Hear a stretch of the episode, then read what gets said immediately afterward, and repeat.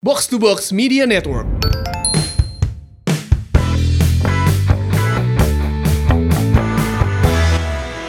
Assalamualaikum warahmatullahi wabarakatuh. Ketemu lagi di Simomong Podcast episode Berapa ya?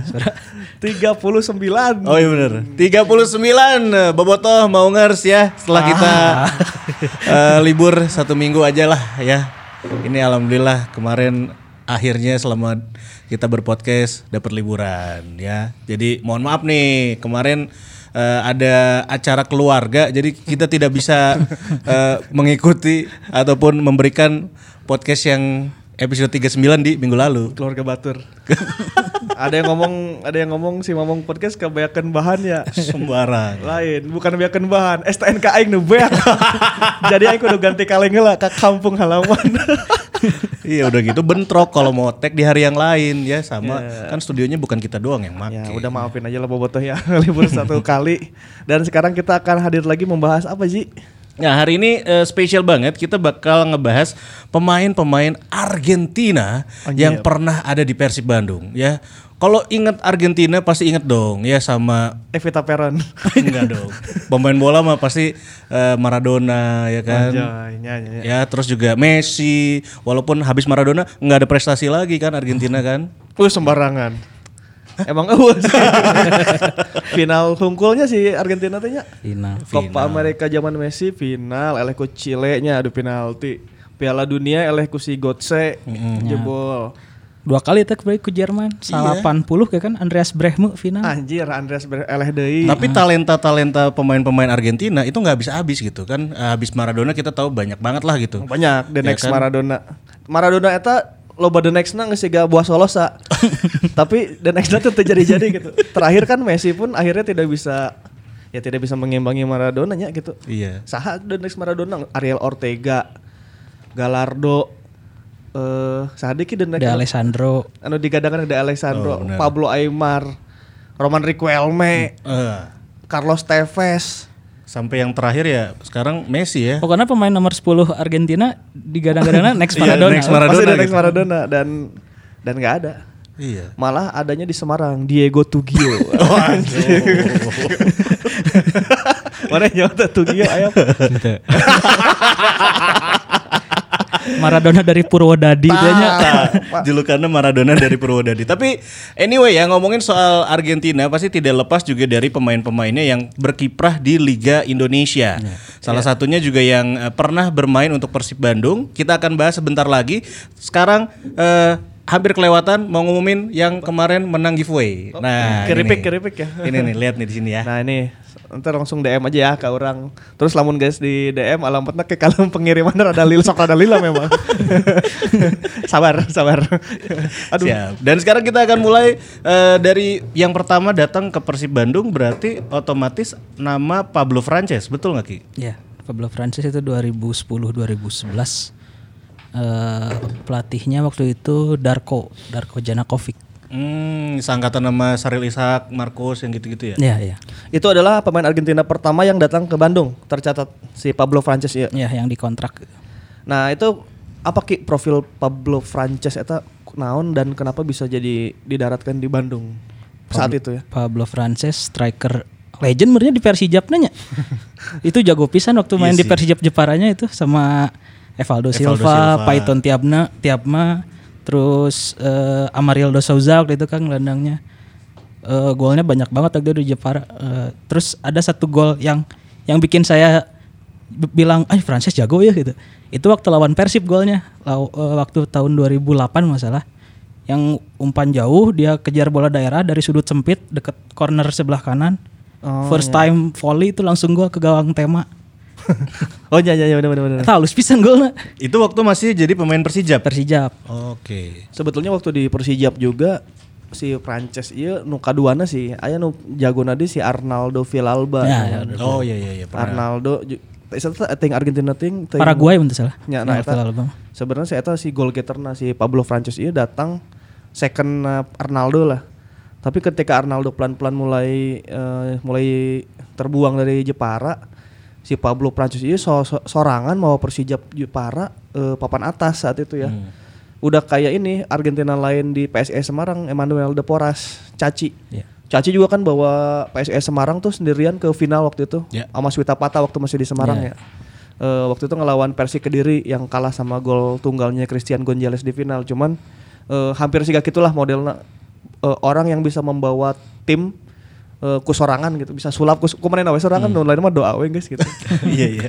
Atau gitu ya bola passing aja ke dia gitu pasti Iya. bisa ajaib gitu. Ya kan Persijap sebenarnya taktiknya saat itu gitu ya, taktik main bolanya cuman kasih ke Pablo Frances dan berdoalah. gitu. Iya. Hmm. Nah, Atau set piece jarak jauh tendangnya ke Evaldo. oh iya si Evaldo. Nah ya. terus kunaon pas di Bandung teu bisa siga kitu bare ka Pablo Frances dan orang tinggal ngadoa gitu. Kunaon eta eueuh di Bandung sih eta si Pablo Pablo iya. Emang Frances waktu datang 2010 2011 tuh eh, kurang menunjukkan apa yang ditampilkan dia di Persija ya waktu itu. Jadi eh, main cuma 14 kali, golnya cuma dua. Nah lah, ya, padahal itu- itu striker ya. Eh, itu rata eh, jumlah gol yang sangat kecil ya untuk untuk eh, striker. Mungkin karena di sini harus berbagi peran mungkin ya di Persib karena duetnya aja waktu itu ada Eloko Gonzalez. Oh iya bener. Oh iya betul. Eh, jadi dia bukan goal getter utama mungkin. Hmm. Terus eh, ada Hilton juga di lini depan waktu itu. Hmm, benar. Dan mungkin ada ada sedikit eh, apa eh, pengaruh juga dari si preseasonnya yang kurang maksimal waktu itu. Kan ada ya waktu itu kan ada kasus yang Darko akhirnya diganti sama Jovo itu kan. Lo tengenangan ya presisi. Ya jadi preseasonnya nggak nggak mulus kayaknya waktu itu. Mungkin mungkin ada pengaruhnya dari situ juga. Dan sampai harus dipinjamkan ke Persikap ya akhirnya. Iya seorang putaran Pablo keduanya Francis. dipinjamin ke Persikap waktu itu. bahasa halusnya sih ya, diusir lah diusir. Iya, soalnya nggak di kontraknya. Ya, jadi si Persikap itu dapat Pablo Frances. Jadi karirnya menukik di Persijap dan langsung nunjal di Bandung. Cuma setengah musim eh, butut terus kap Persikap Kabupaten Bandung geus gitu geus we eueuh nya. Oh. Geus we leungit si Pablo Tapi kalau Frances. Adil ada yang teringat nggak dari Pablo Frances gitu catatan-catatannya? Ketika si Pablo pindah ke Persikap, kalau nggak salah dia cetak gol juga ke Persib nggak? Iya nggak sih? Eta beda liga deh jigana si Persikap divisi Liga 2 na deh mun salahnya bahasa eta. Jadi pin- eh, lower eh, apa? Lower division. lower division nah jadi dia pindah langsung ngajeleng ke liga nu handapun Persib emang nukik sih akhirnya di Bandung si Pablo Francis. Satu-satunya kenangan yang lumayan indah mungkin ketika dia Persib Bandung melawan Arema Malang rusuh di Bandung dan dia nyelamatin bobotoh yang dikepung oleh aparat. Oh iya benar benar benar. Jadi ada bobotoh yang memang dikepung aparat akhirnya kan dipisahin ya sama Pablo Frances. nah si Gana eta hungkul sih kenang-kenangan misahkeun hungkul. Sesana mah main bola mah lebih jago di Persijap Jepara deh dan di Bandung mah eueuhnya Karena lebar oge nya mak- maksudnya di klub sebelumnya jago pisan pas ke Persib. Iya. Nah, berarti Argentina pertama yang mendarat di Bandung gagal ya bisa dibilang gitu lah. setelah Pablo Francis ada siapa lagi Ini menarik ya, ada nama yang sekarang sudah menjadi warga negara Indonesia tapi sebelumnya berwarga negara Argentina yaitu Esteban Vizcarra. Esteban Gabriel Vizcarra, bener tak? Gabrielan tuh? Ya ya ya. Aya kan? Oh, Nah, iya. eta teh Gabrielna dicokot ti Gabriel Budi. Oke. Mas Budi. Batistuta. Esteban Gabriel Vizcarra. Deal. Naon kelebihan si Esteban Gabriel Vizcarra ya? Sebenarnya Esteban tuh ketika datang ke Bandung waktu justru waktu bareng sama Pablo Prancis kan ya. Ya ya. Ya, seleksi ya waktu itu. kan? Seleksi waktu pelatihnya Darko Oh, paket Argentina ceritanya. Daniel ya. Darko Iya, Janakovic. bener-bener. Tapi nasi eta tadi cokotnya. Dia dites di eh, turnamen yang di si- Palembang itu. Inter Island Inter. Island. Inter Inter Island Cup. Oh, eleh teh ya? Heeh, yang- pokoknya mah eh, pramusim yang emang benar-benar gagal di sana. Tapi ketika ketika itu si Esteban Vizcarra masih berumur 23 atau 24 tahun gitu. Jadi ketika dia masuk seleksi di Persib dia masih muda dan ketika ta ketika beberapa tahun kemudian akhirnya berjodoh juga gitu Iya. dengan Persib di tahun 2019. Kan hanya kalau usia nangges teu ngora deui. Setengah deui, cedera deui kan. Fenomenanya Vizcarra ini memang aneh ya. Eh, dia datang ke sini di pandang sebelah mata kan, mata kena asup seleksi ge gitu. Dia posisinya kan awal-awal datang di belakang striker. Ya.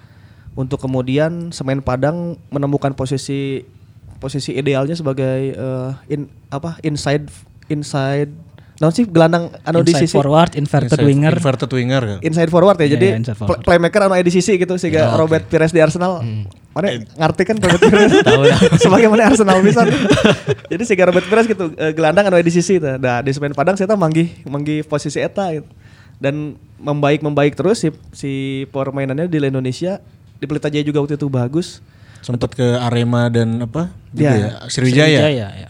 dan akhirnya Persib yang si Gana hayang nyoba andainya gitu. Dan kebetulan eh, ketika ke Persib kan statusnya udah warga negara Indonesia saat itu. Nah itu poinnya sih. Karena dia udah naturalisasi Indonesia, ya udahlah masuk. Jadi eh, nya lamun teh naturalisasi si Gana moal ya. Aja kan. lamun status asing moal ya saya Moal tanya. sih Moal ya. ka nya. Dia spesialis turnamen. Oh, heeh si Fiskara itu selalu iya ya? spesialis turnamen. Pasti Ibu aja kalau turnamen bagus aja gitu catatannya. bagus dan bawa bawa selalu bawa ke final. Arema, Hmm. Ya. Arema terus Sriwijaya. Iya. Nah di Inter Island buruk Inter Island Cup eta pas si Fiskara main kita kalah 6 Satu. 6 1 kiperna aing inget kene si Dedi Dedi Haryanto orang enak orang Kircon Mas Dedi jebol ke Budi Sudarsono Sabra Siki gitu terus tiba-tiba precision saat itu langsung mem- memburuk semenjak itu Tengku Naon eh, zaman itu nyebut budu gue di precision kene gitu salah satu imbasnya Esteban Fiskara tidak tidak dapat meluncur mulus ke Bandung ya Ya. baru berapa tahun kemudian ya saya bisa ke Bandung berarti 2018 9 tahun kemudian. 9 tahun kemudian ke Bandung Dua tahun kemudian. Tapi tiap tahunnya itu di si Fiskara itu selalu diisukan. Iya. Isukan selalu merapat gitu. si Gaji Mavo Juga Fabiano Beltram karena itu. Ya. jadi memang banyak ya pemain-pemain yang tiap tahun diisukan ke Bandung kan kalau pelatih kan RD ya unggal musim sih Gana RD RD RD sampai kaina moal si Gana arek sih kayak suatu saat mah nya Mungkin. Da unggal musim itu selalu Iya, aya. pasti ada. Herman Jumafo saat itu sering tuh digadang-gadang akhirnya geus tereh beak karena ka dieu pindah. Ya Gonzales oke kan sempat Christian Gonzalez asal tapi eh yang gak pernah tuh kayak Fagundes gak pernah nya ka dieu nya. Fagunes Zarahan. Nah, Zarahan belum. Akhirnya tidak berjodoh. Iya. Nah, Fiskara ini berjodoh jeung si Beltrame. Ngan nya eta pas eta asup ligana eueuh. Liga Dewa usia sudah semakin matang lah, matang ya. Dan perlu dicatat Fiskara waktu datang langsung bawa cedera kan dia punya Hmm. cedera bawaan apa sih yang Ah, harus dioperasi itu ya sampai dua kali kan operasinya. Jadi musim 2019 dia nggak maksimal penampilannya. Eh benda asing cina di lutut. Naonnya benda Benda asing. asing orang Benda liar naon asing. ya. Oh, masalahnya asup di mana, Bro? Kan Iya. lutut. Bekas bekas, Bekas operasi, kayaknya bekas berarti. bekas operasi yang dulu kan dia pernah cedera lutut. Oh iya iya. iya. Kayaknya di kayak kayak apa sih? Kayak serpihan tulang-tulang gitu. Ah, Atau ditaruh baut bareng Nah, ke dokternya kan. waktu pertandingan di mananya ting di Piala Indonesia atau di Piala Presiden gitu si Suk si Sukuna teh nggak bisa nekuk ketika main teh makanya dia langsung diganti ting lawan naonnya Pode akhirnya dioperasi dan dan itu kan sangat merugikan kan untuk tahun 2019 untuk di Persib Berarti Fiskara sekarang udah gak masuk Argentina Ya, masuknya masuknya adalah se- sebagai warga negara Indonesia. Warga negara Tapi Indonesia. sempat tercatat sebagai warga negara Argentina dan juga eh, yaitu pas pada saat warga negara Argentina hanya sebatas seleksi di Persib. Oke, berarti gagal. Gagal juga ya. Sebagai Argentina gagal Seta. Selanjutnya, ini nih menarik. Sempat beberapa episode sebelumnya kita juga bahas, bahkan ada orang yang pingin ngebawa tapi nggak jadi ya. Robertino Pugliara. oh Ya kan? Sudah dibahas sama Coach Janur. betul Ya, Bagaimana Robertino Pugliara, Bung? Angki. cuma satu musim sih lebar. Eh udah di penghujung masa emasnya itu di, di Persib tuh padahal Robertinho di Persija jago pisan. Ya, Terus Persipura. ya bukan dia datang ke Indonesia aja dari 2007 kan kalau penuturan Pajajang waktu itu ya yang iya. ya. yang mau seleksi tapi akhirnya milih Citesku eh, Arcan Yurinya. Jadi Roberto Pugli- Robertino Pugliara baru kesempatan main di Persib tuh di ISC 2016. Oke. Eh, asuhan Dejan kan waktu itu.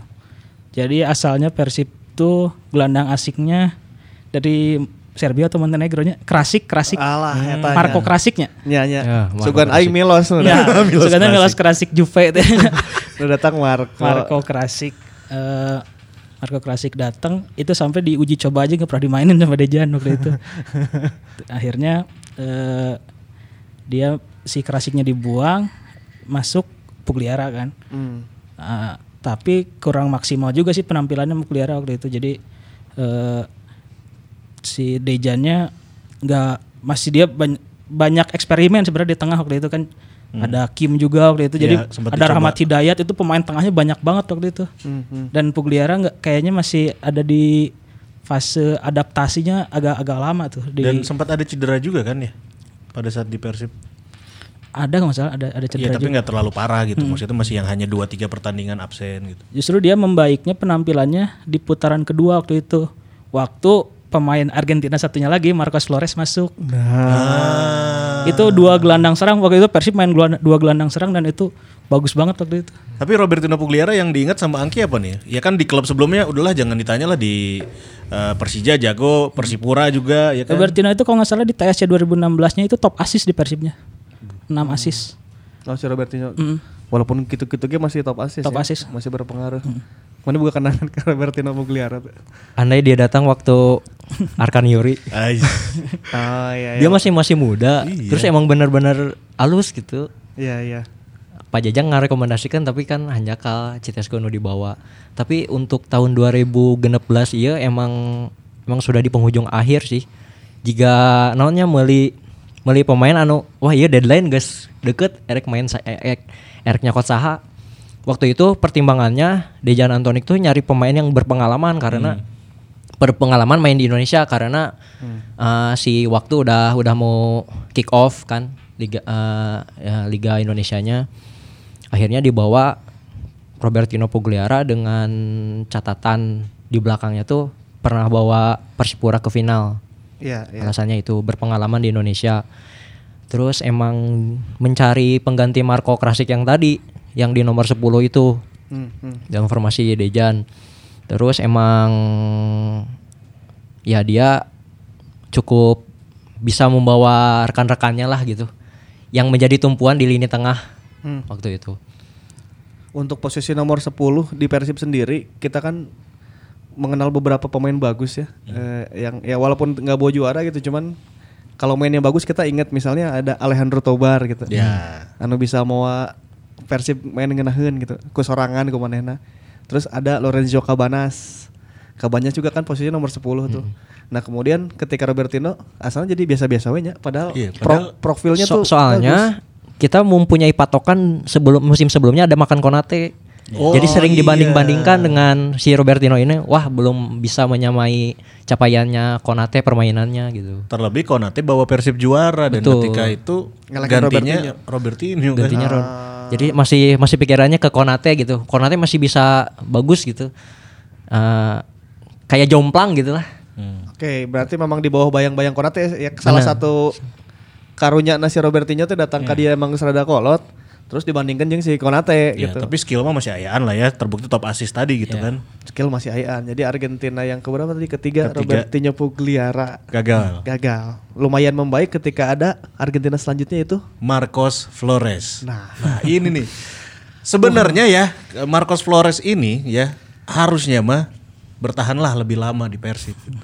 Sebenarnya menurut orang ya, buktinya kan lepas dari Persib jeung Balina juara.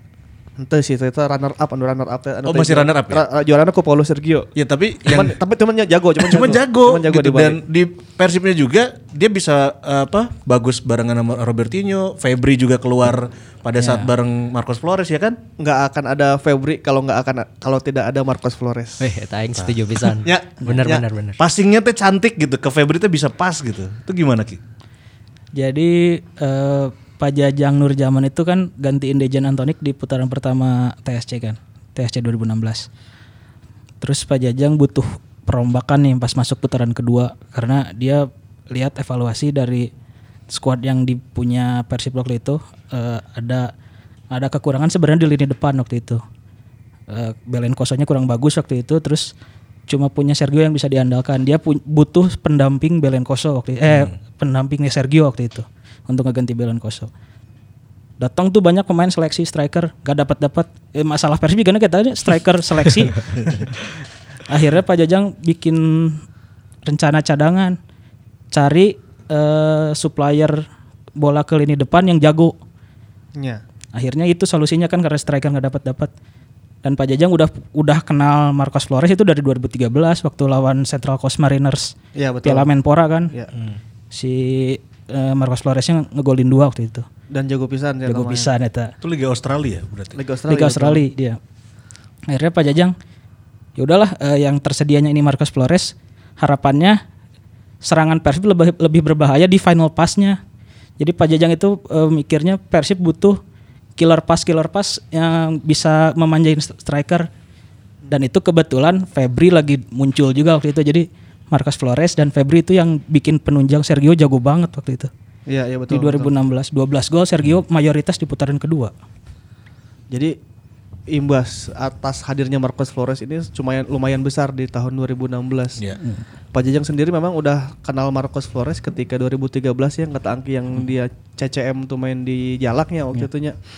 Kondisinya juga di Liga Australia Marcos Flores memang salah satu pemain bintang ya. Hmm. Salah satu pemain bintang di A-League bareng Sergio Van Dijk di sana tuh dia duetnya Van Van Dijk di Australia. Jadi cigananya orang sih Van Dijk eta si Flores bisa tuh dibawa ke dia sih karena gitu nya kondisinya. ya emang emang koneksian dari Sergio itu untuk bawa Flores ke sini. Oh si Van Dijk dan SPD itu. Nah, jadi kan waktu putaran kedua itu emang koneksinya Australia, Diogo Ferreira masuk dari Australia bener. dan Marcos Flores. Itu emang koneksinya Sergio. Ah, Marcos Flores ini pemain pemain Liga Australia terbaik musim 2011 kalau nggak salah. Johnny Warren Medal kan itu bahasa di sana bahasanya. Itu pemain terbaiknya Marcos Marcos Flores. Emang emang jago sih, emang jago sih, eta. jago pisan mencuk orang. Apalagi visi ya. Kondisinya masalahnya gini, Marcos Flores itu datang ke Bandung dengan kondisi sasuku ngan hiji sukuna Oh. eh, cedera kan? Iya. Dia debutnya aja di Sriwijaya langsung nungging kan ku si Kubang Firman di keprak lain. eh, eh eno eta lain sih. Si Gana eta deh.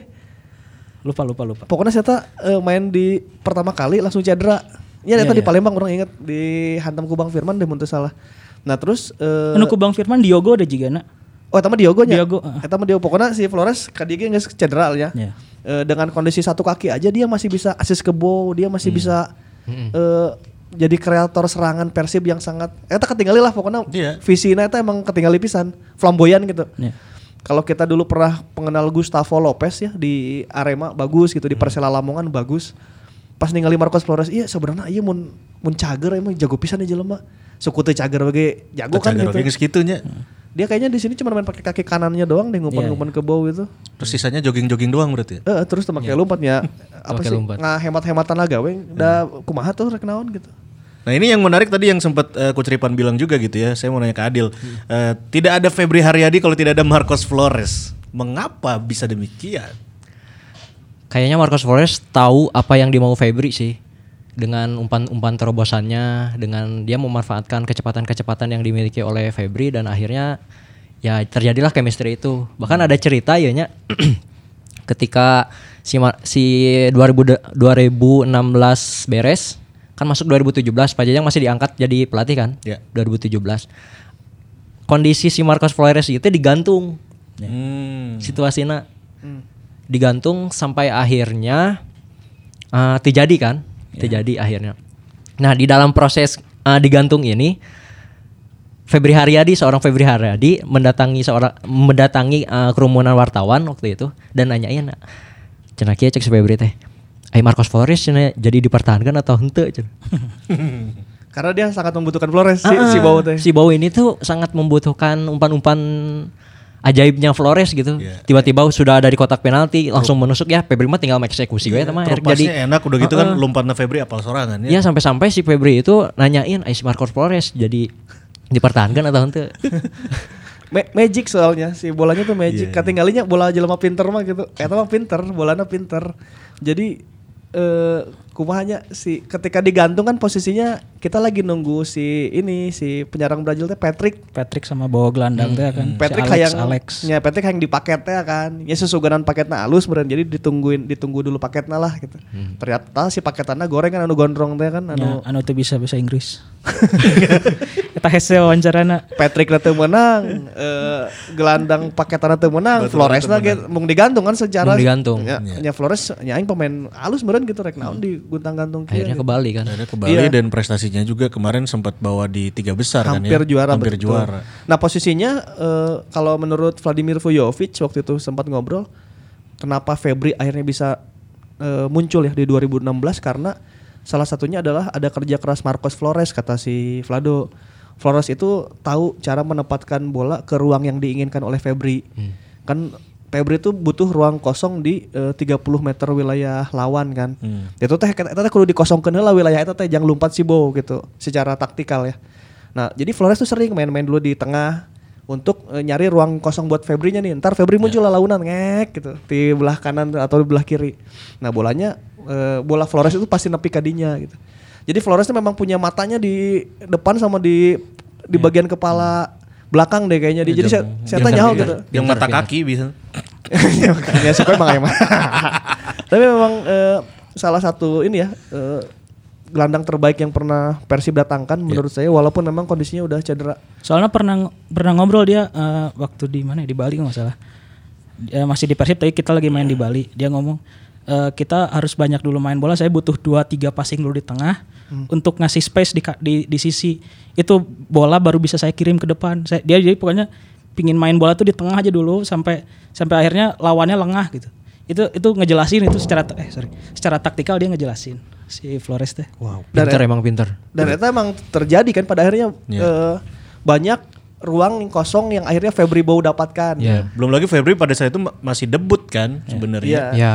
Dan akhirnya kan ruang itulah yang sampai saat ini mungkin dirindukan oleh Febri. Febri tuh nggak dapat ruang itu sampai ketika Flores nggak ada ya. Untuk mendapatkan ruang kosong di wilayah kanan dan kiri eh 30 meter lawan itu Febri mulai kesulitan gitu. Karena memang kreatornya iya rada hes saya merenya gitu. Mengkreasikan. Eta kan emang kudu kudu utek utek coy eta mah. IQ eta mah geus. Kumaha carana ngosongkeun wilayah lawan mah kudu ku Mungkin yang mirip-mirip kalau ada di, di timnas doang kali ya. Febri pada saat di timnas. Eh Febri di timnas juga nggak dapat ruang yang se Se- secantik Flores kali ya. secantik Flores karena emang udah level timnas mah geus nyam rapat oke sih wilayah batur. Cuman aing teu nyaho sih Flores teh bisa ngosongkeun gitu. Iya.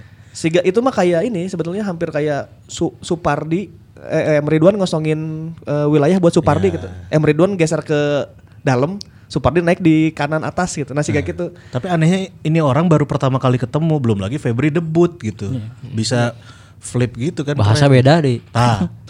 ya kan? Iya, iya, iya. Yang dari pemahaman taktik yang diajarin apa yang dibilangin sama Angki, orang semakin penasaran si eta SSB-nya di Argentina di mana tah? Wah, saya tahu mah Riquelme versi versinya versi iya lah, versi Indonesia menurutnya. Iya. Kalau kita ngelihat Roman Riquelme main kan kayak gitu ya, main eh, di tengah lah laun-laun teka ciri tiba-tiba beng gitu aya bola anu mun di PS mah pakai segitiga ya, anu pas pisan Iya. kadinya gitu. Terobosan. Dan itu juga kan terjadi di Bali kan. Dia Iya. bisa bikin ya Bestroni bagus di Bali, bisa bikin eh, gelandang-gelandang Bali juga main enak. Ya salah satunya itu. Makanya saya sok di IG kan bola sok tiki taka, tiki taka rockmet, tiki taka. ya eta menurutnya tiki taka eta. Tapi bisa dibilang berhasil atau gagal? Mun orang mah dengan kondisi satu kaki berhasil sih. Dalam Berhasil ya? sukuna fit dua-duana mau main di Indonesia sih eta. Bener. Pasti main di Australia tuh. Jika mau ya Febri merenya lamun tanpa Marcos Flores. Iya iya iya iya. Karena kan kalau misalnya kita eh, lihat bandingkan dengan Konate, Konate kan bagus dengan bola ya gitu.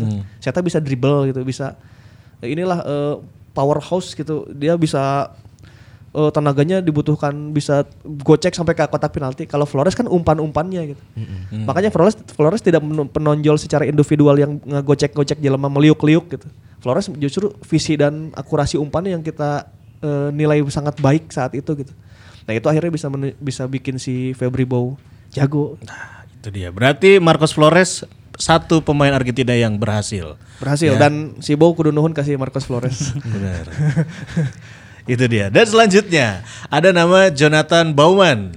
Oh, ini juga menarik nih. Kalau Jonathan Bauman yang present pada saat launching urang gak benar? Misteri guestnya. Misteri guestnya oh, nya saya tahu misteri guys. Iya pas pas di briefing ini MC ya tolong yang terakhir eh, nama yang ini harus terakhir. Menyingkirkan pemain bintang ya. Ya, anjir kurang teh Asian eueuhnya. Aing kan hoyong minta tanda tangan bahasa itu teh. Cet. Nama yang ini harus terakhir, Mas. Jonathan Bauman. Oh, ya udahlah. Aing teh papanggih pa- aing papanggih jeung si Bauman di Adidas Dago bahasa eta. Eh kan kantor kantor kan di Dago kan. Pas orang ke kadinya aya Johnny Bauman. Hmm.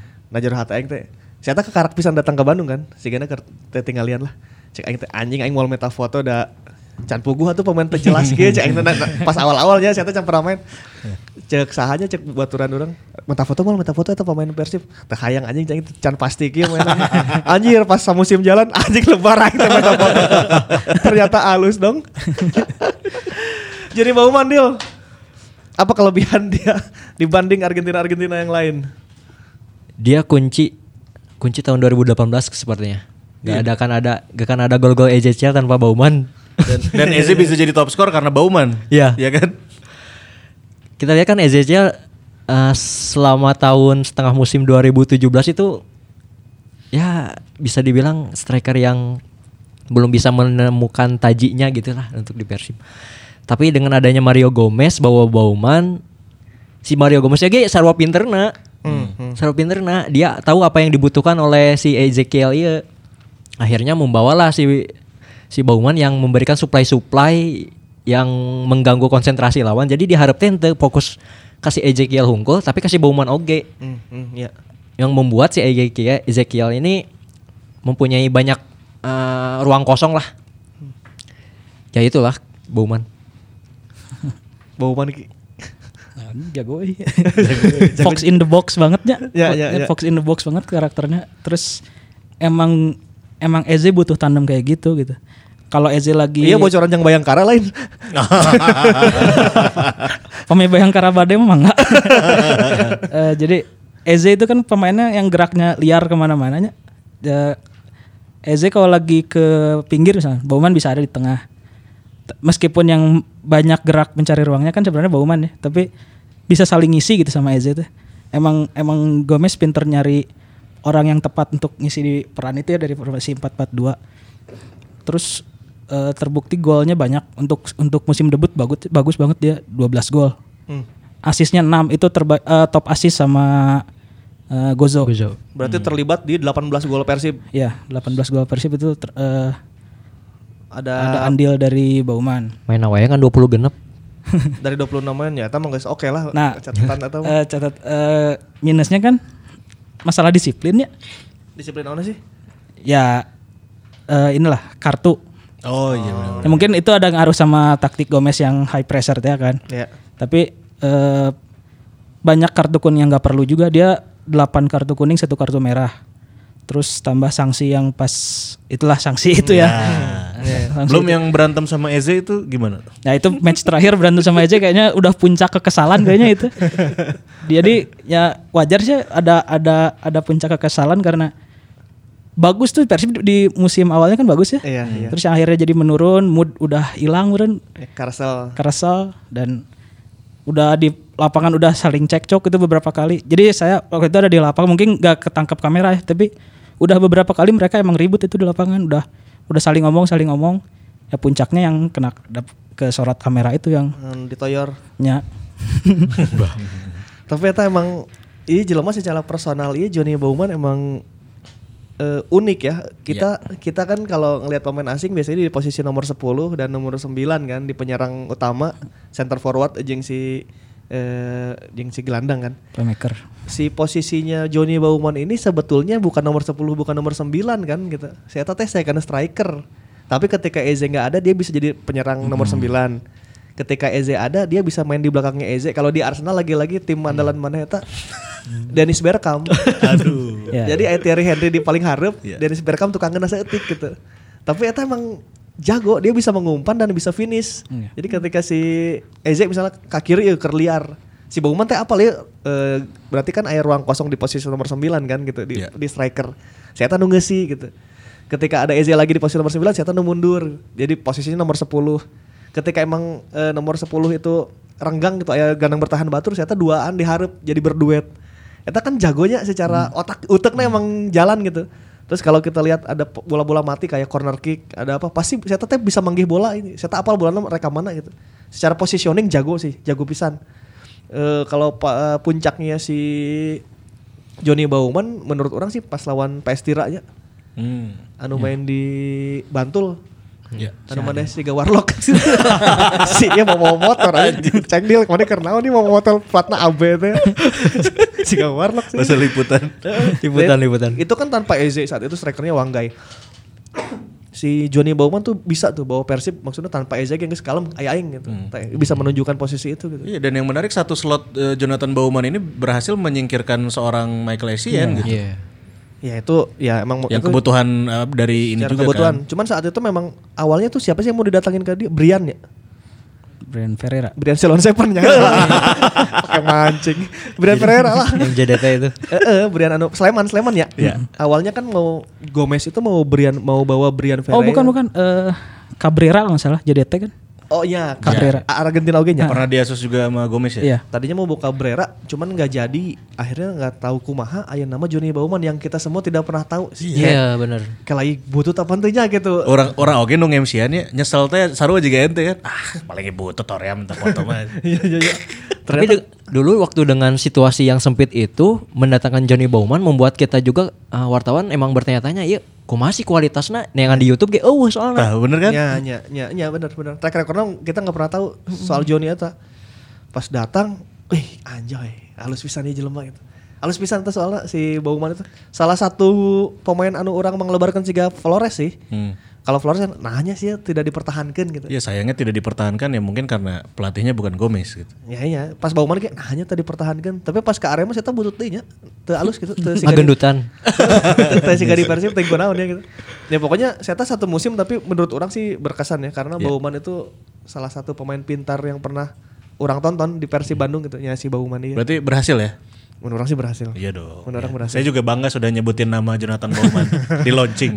orang orang dulu pe- pengen kalau uh, tahun 2018 orang pengen punya jersey Johnny Bauman. Hmm. Karena dia ada merupakan pemain kunci selama musim itu gitu. Tapi akhirnya te te menang-menang. Padahal sanggeus sanggeus motret sok aya wae gitu ya. Ah, tapi ya tuh bisa lah. Oh mana Sugan, hayang, sugan. hayang menta di sisi Hayang- di lapang gitu. Oh, yang Eh, hoyong nu match won. Hayang menta Sugan teh hoyong meuli. Tapi segan ya gadingan. Oh iya bener sih. Tapi memang secara permainan oke ya. Dia hampir jarang cedera gitu. Mm. Kondisinya fit terus tiap main eh, ngenahin lah siga, siga Pablo Frances di Jepara lah gitu. Nah, positioning sih yang harus digarisbawahi bener kata Coach Ripan. Bagus banget positioningnya gitu. Ah, eta mah geus utek eta mah. IQ IQ. Iya. Nah, teuing ayeuna sita main di mana? Pokoknya Johnny Bauman 2018 di Bandung mah Liga. Argentina ada. Ya. Oh, main Liga di itu. Oh. Ya berhasil ya.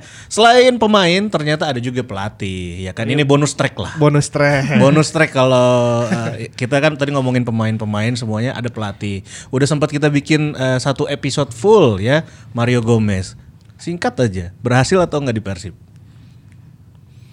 Berhasil lah. Berhasil ya. Pel- eh, pelatih asing tersukses Persib karena eh, finish di posisi 4 sebelumnya kalau nggak pramusim dipecat, putaran pertama dipecat atau finish peringkat 5 yang paling bagus siapa? ya? Pokoknya eh, Robert musim kemarin berapa? 6 ya, peringkat 6 ya kalau Robert ya. Ya 6. Oh, berarti ma- masih bagusan ini Jadi ya. Gomez Mario itu yang pelatih asing terbaik. Ka- Ar- Arcan Yuri paruh pertama sama-sama juara nih ya, sa- kayak ya. kayak Gomez tapi Juara putaran keduanya peringkat 5 wilayah barat. Wilayah barat. Kalau Gomez peringkat 4 satu wilayah Satu wilayah, Bro. itu pelatih asing terbaik secara secara klasemen ya. Lamun teu dilicikan mah bisa merenya gitu. Bisa. deh. Bisa. AFC AFC mah tembus sih. Tapi kuduna teu mau asisten sih. Nah, itu. Ini juga akan kita bahas. Dia tuh ada asistennya juga dari Argentina juga sama. Nah ini ini lebih bonus tracknya lagi sebenarnya. udah bonus track, ada bonusnya lagi. Ya udah mah pemain, pelatih, pelatih mah Mario Gomez kita punya episode khususnya ya. Iya. Kamu bisa cek aja di eh, si Mamong Podcast, bisa dengerin full di sana. Dan Episode Mario Gomez ya. sekarang eh, satu kejelekan Mario Gomez, asistennya menurut saya. Kadang kejelekan.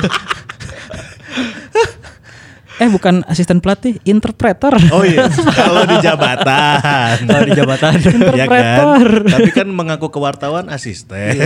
Ternyata kurang kudu aya nama Fernando Soler ketika Gomez datang. Jadi gini, eh, Soler itu udah kenal sama Gomez dari tahun 97.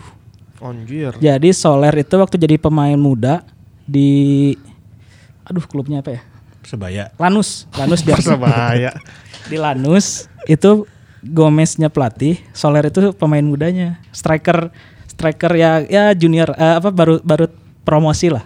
Oh. Striker-striker ya 20-an gitu. Jadi riwayatnya memang pernah kenal di Argentina. pernah kenal waktu itu. Jadi emang Soler udah keasuh lah sama Gomez. Sebelum akhirnya Gomez ke Mallorca kan ikut sama Hector Cooper. Hmm. Tapi jadi mereka udah kenal lama sebenarnya gitu. Iya menurutnya saya pernah ke Indonesia tuh pernah pernah orang ngerti ini sebaturan orang lah sih karena gitu ya karena ngobrol di Argentina aja sih karena. Simple itu. Jadi kalau Mario Gomez ini menurut saya sih salah satu pelatih yang adaptasinya secara taktikal ya, adaptasinya eh, cepet di Indonesia.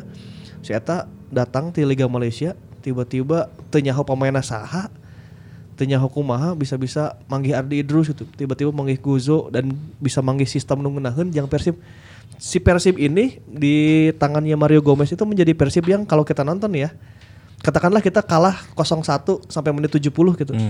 Imajinasi orang teh nggak kalem sih emang 15 menit terakhir jago kok mual eleh mual tah. Saya teh udah bisa memberikan kesan ke orang-orang teh bahwa nggak mual eleh ku Gomez mah gitu. Minimal seri aja. Iya mental itu teh bisa gitu. Jadi kalaupun kita sampai menit 70 belum nyetak gol atau lagi kondisi kalah, itu tuh tidak bisa mem- tidak membuat kita panik sebagai penonton gitu.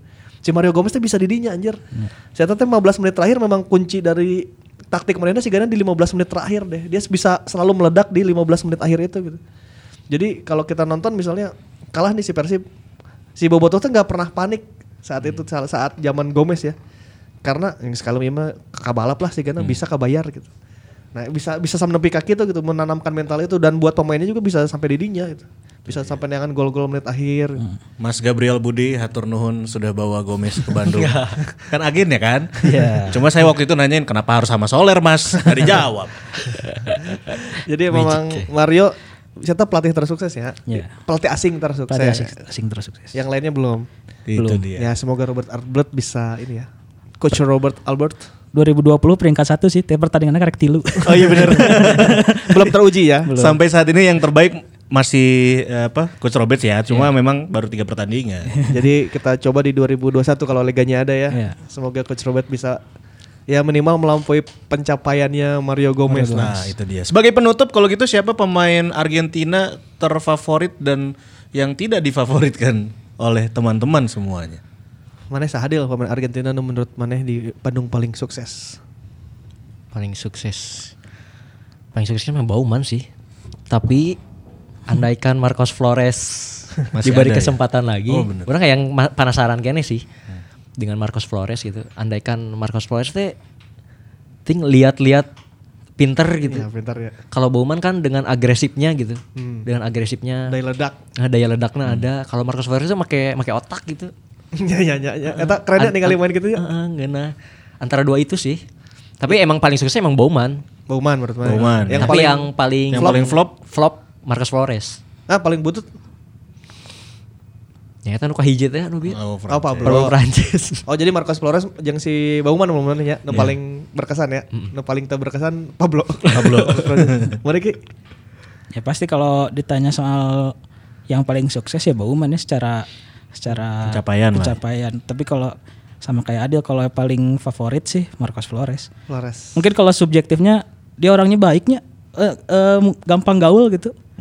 Enakin ngobrol enak gitu dia. Eh, welcome kalau ke teman-teman jurnalis juga eh, kalaupun kita bukan sesinya wawancara nanya duluan pokoknya enak lah. Enak banget terus eh, dia sama eh, misalkan staff tim yang gitu-gitu teh akrab gitu orangnya. Jadi di luar di luar teknis di lapangan saya suka Flores karena eh, kepribadiannya ya. Ajang sok nginum teh teh Argentina. Anjir, Eh, naonnya bener. teh ngaranna? Teh naonnya eta teh? maca-maca gitu. Karena si Messi ki nginum eta aja. maca Ya. Anu pakai sedotan besi teh Ya ya kan? ya ya. ya. orang pernah nyobaan baheula Nah, bisa mana nyoba? Ah, di, di- tadi cobaan ku si Marcos Flores. Oh, urut dia kieu. cobaan. Oh, iya. Urus si Marcos Flores. ya saat Anjir, covid ya. Sajan Covidnya iya, Bang. Ya, saat covid ya. Match war eta. Sa- Sedotana. Sedotan teh besi, terus isi teh panas. Jadi lamun si si lamun lamun si cairna panas eh, disedot pakai besi, biar jadi panas. Eta rasana naon? Jika jika enteh tapi lebih lebih kental gitu deh. Ah. Jika ente. Karena Messi Messi ki nginum eta sih. Iya. Kayak Amerika ya? Latin eh, Suarez pokoknya Uruguay, Argentina. Nggak ngarinum eta ya. Memang ciri khas lah juga di Papua sirih teh ya meureun kan gitu. Bauman ge pernah pernah bawa deh Ini kalau Bauman bawa. Bauman bawa. Oh, ciri khasnya gitu, ya. Wah, kudu Di dicobaan teng-teng gitu. Nanti coba kita cari namanya apa dan belinya di mana kalau bisa. Mana mana jadi sa pemain favorit Argentina? Favorit ya udah jelas Bauman. Se- sel- Selain cerita tadi itu memang secara permainan oke. Cuma kalau dilihat-lihat lagi yang bagus juga memang sepakat sih eh, Flores ini gitu. Marcos ya berarti ya sarua orang kayak idem sih. Iya, kayaknya memang kita semua satu hati ya untuk pilihan kali ini. Tapi yang paling menarik juga pertanyaan pentingnya adalah sebenarnya hal apa nih yang paling spesial dari para pemain-pemain Argentina yang sudah hadir di Persib Bandung terutama di Liga Indonesia. Tadi sempat eh, nyebutin juga ada Caci lagi kan. Nah, De Poras. Ya ada Poras. Berarti kan sebenarnya pemain-pemain Argentina tuh eh, yang masuk ke level-level Liga Indonesia ya, ini bisa bersaing juga gitu dengan pemain asing lain. Ya tentu bisa bersaing lah. Yang kalau saya sih ngelihat ciri khasnya pemain Argentina itu punya determinasi ya. Amerika Latin ya gitu. Eh, agak berbeda sedikit dengan Brazil kan. Brazil lebih bisa meliuk-liuk dengan bola gitu. Terus bisa lebih lebih cepat lah. Gitu. Argentina tuh terkesan lebih lambat, tapi lebih stylish gitu. Si si mainnya gitu lebih lebih non ya cantik tapi dibawa keras gak bisa. Dibawa main keras berangkat gitu. Kan lamun pemain-pemain asing Afrika itu kekuatannya di kekuatan fisik di power kan gitu. Sampai ke kumaha ge tabrakan siap gitu. Kumaha eh, tapi dengan visi yang agak eh, kurang menonjol kan. Jadi memang power kayak Konate aja gitu. Visinya terlalu nggak terlalu bagus cuman saya tahu dengan with the ball na wah keren pisan kan gitu. Nah si Argentina yang di Persib menurut saya juga hampir sama dengan Argentina kebanyakan yang di Indonesia. Dia punya eh, daya imajinasi yang bagus. Hmm. Bauman, gitu. Ya, visionernya. Marcos, Flores, visinya tuh Visi. enak gitu. Itu juga mirip hampir mirip dengan pemain Chile-nya. Ya, ya. Cuman mun orang sih ninggalina dibanding pemain Chile lebih halus pemain Argentina deh lamun orang. Chile ya. dan uh, apa Paraguay mungkin Para- ya. iya, Paraguay. Yang gitu-gitu Amerika Latin ya. hampir mirip sih memang satu rumpun benernya gara-gara jadi satu satu iya satu naon ya satu tipe lah permainannya gitu. Mun menurut mana kumaha? Ya hampir mirip sih kalau Latin Latin terutama Brazil kan Jogo Bonito banget bangetnya lebih wah style banget gitu nu Ya, emang skill lah. skill individu go- gocek-gocek pakai step over gitu. Kalau Argentina ya lebih ngotak mainnya. Hmm. Lebih ngotak bang, ya jauh lebih ngotak dari pemain Brazil kalau menurut saya ya. Argentina. Sama kayak Anggi sih. Jawabannya udah kejawab. Oh, udah kejawab kafe. Karena eh, kalau saya ngelihat ya beberapa pemain Argentina yang main di Indonesia kayak kuduaan kayak bisa mawa tim alus Ya. gitu. Lamun si Brazil kuduna kudu tilu lebih lah. Jadi mun tita sorangan mawar ada bingung tah si pemain Brazil mah gitu. Tita, tita sorangan itu mau pemain mawa tim itu jadi bagus. Kalau Argentina mah ya itu kayak si De Poras sih bisa sendirian ibarat kasarnya ya gitu. Bawa PSIS yang saat itu nggak ini nggak bintang-bintang amat dibanding yang lain tapi bisa nepi ke final gitu si De Poras sorangan ya walaupun ada Ortiz dan ada Espinosa Nukar itu lahnya cuman ya bisa gitu Terus tipikalnya pemain Argentina tuh nggak yang harus ditemenin teh gini. Maksudnya harus sendiri paket. pun bisa gitu, nggak harus paketan gitu. ya kayak Pablo Prancis bawa Persijap gitu bisa gitu hampir jarang kan ditemui pemain Brazil bawa sendirian gitu Atau Gustavo Lopeznya. nah Gustavo Lopez bawa Persela Lamongan sorangan gitu. Nah, jadi kayak mentalnya udah oke lah gitu pemain-pemain Argentina mah gitu. dan secara visi sih yang membedakan visinya ngotak lah gitu. Gitu. Di- jadi kurang sih lamun misalnya aya yang menjadi pemilik tim gitu nya. Eropa pemain Eropa pemain Brazil apa pemain Argentina? Aing sih lebih beki pemain Argentina. Kamu sih Flores lamun keur cager gitu. Wah guys well kata mah. Iya. Kudu scouting. gitu kan itu. Hah? Scouting. bola pernah scouting ke Boca Juniors menangnya Gaston Castaño. Eta, PSS Sleman. Kita Argentina oke kan? Argentina oke. Oke baiklah. Eh, Maungers terima kasih banyak yang sudah menyaksikan dan mendengarkan Siwa Mau Podcast episode kali ini. Kita sudah membahas semua pemain-pemain Argentina yang pernah bermain untuk Persib Bandung ya. Eh, Terima kasih sudah mendengarkan. Jangan lupa untuk dengerin kita di Spotify, di Svara dan juga di Apple Podcast Dan kamu juga tentunya bisa mendengarkan dan juga bisa melihat langsung videonya Cuma di Youtube channel Si Mamaung hari minggunya udah nggak hampa lagi kan sekarang Jangan ada emot-emot hati retak ya udah kalau gitu kita pamit ya sih Ya. Hatur nuhun, Adil sama Angki Siap, sama-sama. Siap, nanti kita ketemu dengan pembahasan selanjutnya. Ingat, tidak akan habis bahan. Kalau begitu kita pamit. Assalamualaikum warahmatullahi wabarakatuh. Dadah. Hidup Persib!